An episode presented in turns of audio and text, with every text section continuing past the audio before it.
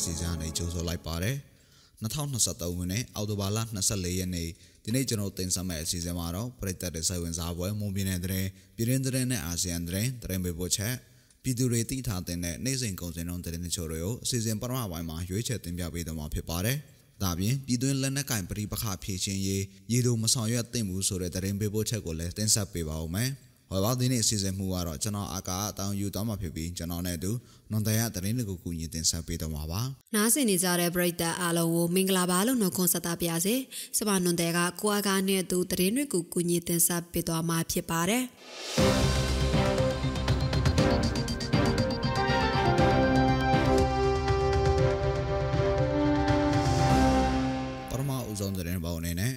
ဘီလင်းမြို့နယ်တောက်ရက်ခဲမောင်ရှေရောင်ပြကြေးရွာချင်းဆက်လမ်းပိုင်းနှစ်ခုကိုစစ်ကောင်စီတပ်ဖျက်ဆီးခဲ့တယ်လို့ဒေတာခန်နေစီကနေသိရပါဗျ။လွန်ခဲ့တဲ့၄ရက်လောက်ကည9နာရီအချိန်ခန့်မှာအင်အား100နီးပါးပါဝင်တဲ့စစ်ကောင်စီတပ်ဟာတောက်ရက်ခဲမောင်နဲ့ရွှေရောင်ပြကြေးရွာချင်းဆက်လမ်းပိုင်းနှစ်ခုကိုဘတ်ဟိုးနဲ့ထိုးပြီးဖျက်ဆီးသွားခဲ့တယ်လို့သိရပါဗျ။ကရင်မျိုးသားလွတ်မြောက်ရေးတမတော် KNA ပါဝင်တော်လှန်ရေးအင်အားစုတွေဟာ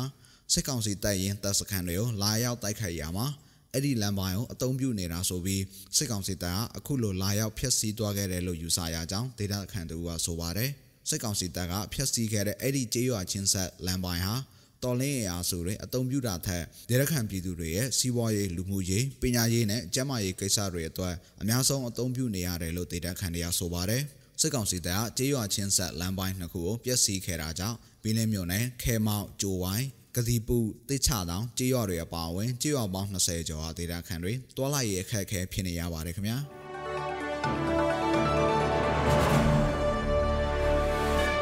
နောက်ထပ်သတင်းသဘောအနေနဲ့ တထုံမြို့နယ်ဒုံဝွန်ကျေးရွာအုပ်စုကမဆိုင်ကျေးရွာရန်ကုန်မော်လမြိုင်ကားလမ်းမှာမနေ့မနက်ပိုင်းကဖျားဖူးမော်တော်ယာဉ်တစ်စီးမိုင်းဆွဲတိုက်ခိုက်ခဲ့ရပြီးနှစ်ဦးထိခိုက်ဒဏ်ရာရရှိခဲ့တယ်လို့သိရပါဗျ။မိုင်းဆွဲတိုက်ခိုက်ခဲ့ရမှုကြောင့်ရင်မောင်းဖြစ်သူဦးဝနာကျော်နဲ့ရင်ပေါ်လိုက်ပါလာသူမထထအောင်တို့ထိခိုက်ဒဏ်ရာရရှိခဲ့ပါတယ်။ မိုင်းပေါက်ကွဲမှုကြောင့်ရင်မောင်းဖြစ်သူဦးဝနာကျော်ရဲ့ဗဘက်မေယိုနဲ့လက်ဘင်းမိုင်းစာဖောက်ဝင်တရားရရှိခဲ့ပြီးစိုးရရသည့်အခြေအနေရှိကြောင်းမတ်တထအောင်ကတော့ဥကောင်မိုင်းစာရှမှန်တန်ရ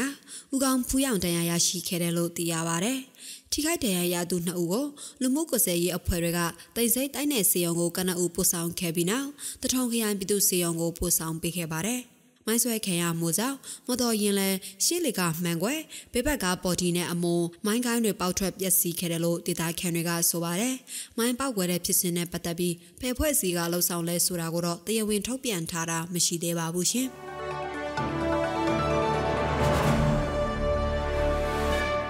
နောက်ထပ်တဲ့ဘောအနေနဲ့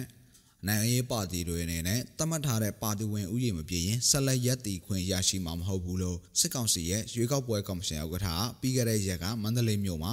နိုင်ငံရေးပါတီတွေကတာဝန်ရှိသူတွေနဲ့တွေ့ဆုံစဉ်ပြောဆိုခဲ့တယ်လို့သိရပါဗျ။စစ်တပ်အာဏာသိမ်းပြီးနောက်နိုင်ငံရေးပါတီများမှတ်ပုံတင်ခြင်းဥပဒေနဲ့ဤဥပဒေတွေကိုရွေးကောက်ပွဲကော်မရှင်ကအသစ်ပြန်ရွေးဆဲခဲ့တာပါ။ အဲ့ဒီဥပဒေအသစ်မှာနိုင်ငံတော်ဝန်စီရောက်မဲ့ပါတီမှာအ ਨੇ ဆုံးပါတီဝင်ဥယေတသိန်းနဲ့တိုင်းဒေသကြီးပြည်နယ်တစ်ခုအတွင်းစီရောက်မဲ့ပါတီမှာတော့ပါတီဝင်ဥယေတထောင်သတ်မှတ်ထားပါတယ်။ဒါပြင်နိုင်ငံရေးပါတီတွေဟာမှတ်ပုံတင်ပြီးရက်ပေါင်း180အတွင်းသတ်မှတ်ထားတဲ့ရုံးခန်းအရေးအတွက်ကိုဖွင့်လှစ်ထားဖို့အတွက်လဲဆိုထားပါတယ်။လက်ရှိစစ်ကောင်စီရဲ့ရွေးကောက်ပွဲကော်မရှင်ရုံးထဲမှာနိုင်ငံရေးပါတီ64ပါတီကမှတ်ပုံတင်လျှောက်ထားပြီး38ပါတီကိုဒါခွင့်ပြုပေးထားပါတယ်။ ရွေးကော်ဟာအသစ်ရေးဆွဲထားတဲ့ဥပဒေနဲ့မညီတဲ့ပါတီတွေကိုဆက်လက်ရပ်တည်ခွင့်ရမှာမဟုတ်ဘူးလို့တတိပေးပြောဆိုလာတာဖြစ်ပါတယ်ခင်ဗျာ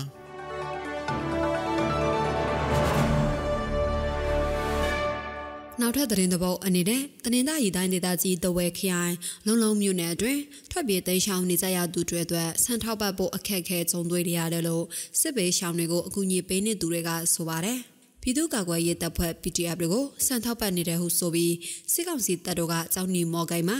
စစ်စင်မှုတင်ဆက်ထားပြီးစံတင်ပို့မှုကိုလည်းကတ်တက်ထားတာဖြစ်ပါတယ်။လောင်လုံးမြို့နယ်အတွင်းစစ်ကောင်စီတပ်ကမကြာခဏစစ်ကြောင်းထိုးဝင်ရောက်မှုကြောင့်ဒေသခံတွေဟာလည်းမကြာခဏစစ်ပေးရှောင်နေကြရပါတယ်။ စက်တင်ဘာလအထိလောင်လုံးမြို့နယ်အတွင်းနေအိမ်စုခွာနေရသူတွေအခြားရဲရွက်တွေကိုပြောင်းရွှေ့သွားသူတွေနဲ့ဒေသတွင်အမြဲတမ်းစစ်ဆောင်ပြည်သူတွေအပါအဝင်စစ်ပေးရှောင်ပြည်သူ6500ခန့်ရှိနေတယ်လို့ဒေါနာတနင်္သာရီစစ်ပေးရှောင်များအထောက်အကူပြုရေးအဖွဲ့ရဲ့စီးရင်တွေအရသိရပါတယ်ရှင်။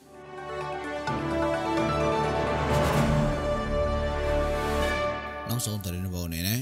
မြန်မာနိုင်ငံတွင်လူကုန်ကူးခံရတဲ့ထိုင်းနိုင်ငံသား120ဦးကို မြန်မာအာဏာပိုင်တွေကထိုင်းနိုင်ငံကိုအမြန်ဆုံးပြန်လည်ခေါ်ဆောင်ဖို့စီစဉ်နေတယ်လို့သိရပါတယ်။လူကုန်ကူးခံရတဲ့ထိုင်းနိုင်ငံသားတွေဟာတရုတ်မြန်မာနယ်စပ်လောက်ကင်မြို့ကတိုင်းသားလက်နက်ကင်နယ်မြေတွေမှာလူကုန်ကူးခံရတာဖြစ်ပါတယ်။ ထိုင်းမျိုးသားအယောက်90နဲ့အမျိုးသမီးအယောက်30စုစုပေါင်းထိုင်းနိုင်ငံသားအယောက်120တို့ရန်ကုန်ကနေလေးရက်နဲ့ဖြစ်ဖြစ်နယ်စပ်တာချီလိတ်မဲဆိုင်ဘက်ကနေဖြစ်ဖြစ်ပြန်ခေါ်ဖို့စီစဉ်နေတယ်လို့ထိုင်းသတင်းတွေမှာဖော်ပြထားပါတယ်။လူဝန်ကူခံရသူတွေဟာတရုတ်နိုင်ငံသားတွေလှုပ်ဆောင်နေတဲ့ငွေကြေးလိမ်လည်တဲ့လုပ်ငန်းတွေကဖြစ်ပြီးဒီကိစ္စကိုထိုင်းအာဏာပိုင်တွေကဆက်လက်ဖော်ထုတ်စုံစမ်းသွားမယ်လို့လည်းသိရပါတယ်ခင်ဗျာ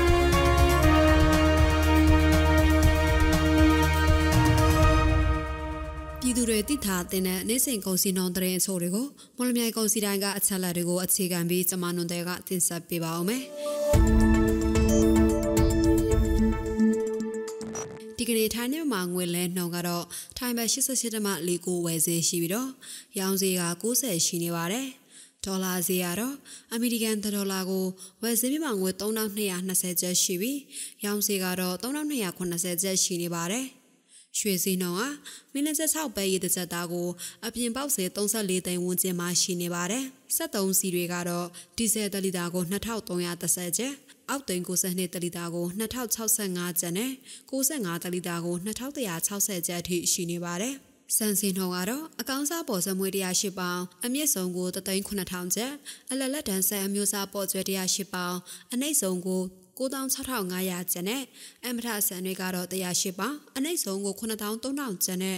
အမြင့်ဆုံးကို9600ကျပ်အထိရှိနေပါတယ်ရှင်။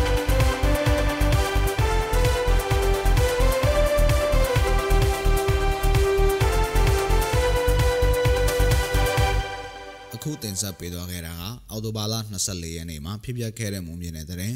ပြည်တွင်းသတင်းနဲ့အာဆီယံသတင်းတွေအပြင်တနေ့တာစီစိငွေစိနဲ့ကုန်စည်နှုန်းတွေကိုတင်ဆက်ပေးသွားခဲ့တာဖြစ်ပါတယ်။ဆက်လက်ပြီးတော့ပြည်တွင်းလက်နက်ကင်ပဋိပက္ခဖြေရှင်းရေးရေတိုမဆောင်ရွက်သင့်ဘူးဆိုတဲ့သတင်းပေးပို့ချက်ကိုနတီယာတင်ဆက်ပေးပါဦးမယ်။ပြည်တွင်းလက်နက်ကင်ပဋိပက္ခဖြေရှင်းရတဲ့ရေတိုမဆောင်ရွက်စေလိုဘူးလို့တိုင်းလိုင်းရှာနေအမျိုးသားဖို့ပြတိုးတဲ့ရေးပါတီ TNTP မှာဥက္ကဋ္ဌဆိုင်းထင်အောင်ကပြောပါတယ်။ လက်ရှိလက်နက်ကင်ပဋိပက္ခမှာရေတိုဆောင်ရွက်ခဲ့တာကြောင့်ဒီနေ့အထစ်ပြေလဲနိုင်ခြင်းမရှိသေးကြောင်းမိမိအနေဖြင့်ပဋိပက္ခဖြေရှင်းရေးအတွက်စာတမ်းသဆောင်ရေးသားပေးပို့ခဲ့တယ်လို့သူကဆိုပါတယ်။ဒါလည်းနဲ့ကပြိပခါကိုအရေးလို့ဖြစ်ရှင်းတဲ့အကြောင်းအခုလိုပြဿနာကြီးရဆိုတဲ့အကြောင်းကိုကျွန်တော်မိမောင်းထိုးပြခဲ့တာပါကျွန်တော်တို့ဒီလက်နက်ကင်ပြိပခါကပိုကြီးလာတဲ့ကိစ္စက1989ခုနှစ်မှာနဝတလက်ထက်အဲ့ဒီတုန်းကဘူခင်ညုံကငင်းချိုင်းရေးလုပ်တယ်ငင်းချိုင်းရေးလုပ်တဲ့ခါကျတော့ ရေးဝဖွဲ့တွေကိုတူပါပြောတယ်ဆိုတော့နိုင်ငံရေးကိစ္စကိုနောက်တက်လာမယ့်အစိုးရနဲ့မှဆွေးနွေးယနေ့ချိန်မှာငင်းချိုင်းရေးယူစီးပွားရေးလုပ်ဆိုတဲ့ခါကျတော့လက်နက်ကင်ဖွဲ့စည်းကိုသူကဖွင့်ပေးလိုက်တယ်ဖွင့်ပေးလိုက်တဲ့ခါမှာလက်နက်ကင်ဖွဲ့စည်းတွေက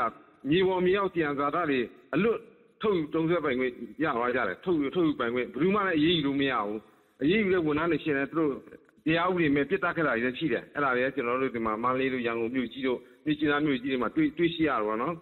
အဲ့ဒါကျတော့သူတို့ဘူးမထိရဲမတူရဲပေါ်ဌာနဆိုင်ရတယ်ကြိုက်တယ်လို့လောက်လိုက်တဲ့ခါကျတော့စီးပွားတော့မဖြစ်ပဲမရှိဘူးတင်းနာကံပြီးစီးပွားလောက်တော့စီးပွားအရန်ဖြစ်သွားကြတယ်စီးပွားဖြစ်တဲ့ခါကျတော့လက်နဲ့တွေဝယ်တယ်တချို့အဖွဲ့အစည်းဆိုလက်နဲ့ဆက်ရုံနေပဲထောင်ထဲထိကိုဖြစ်လာပါတယ်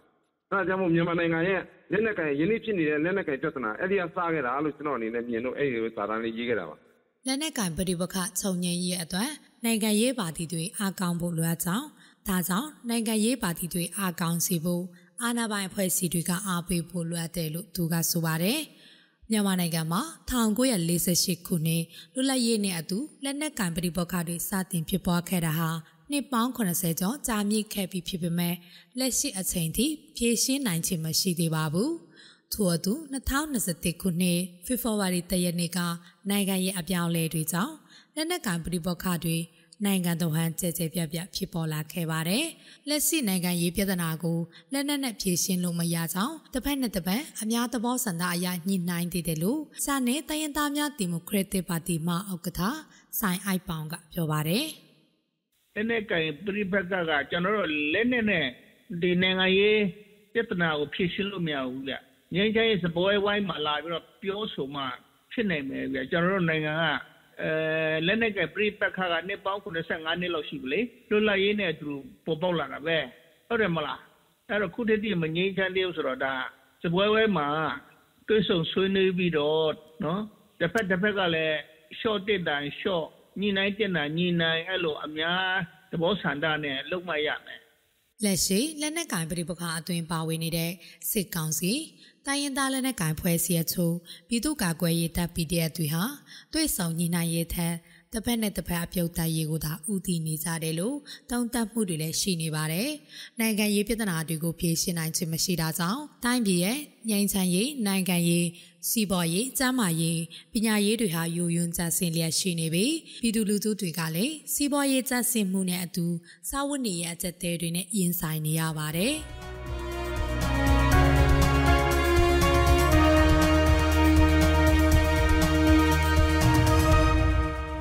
ကျမတို့ရဲ့မွန်လမြန်မာဖော့ကတ်အစီအစဉ်ဒီမှာတင်ပြီးဆုံးပါပြီ။နားဆင်နေကြတဲ့ပရိသတ်အားလုံးကိုနောက်နေ့အစီအစဉ်တွေမှာဆက်လက်အားပေးကြပါဦးလို့ဖိတ်ခေါ်ရင်းအစီအစဉ်ကိုဒီမှာပဲအဆုံးသတ်ပါရစေ။အားလုံးကိုကျေးဇူးတင်ပါတယ်ရှင်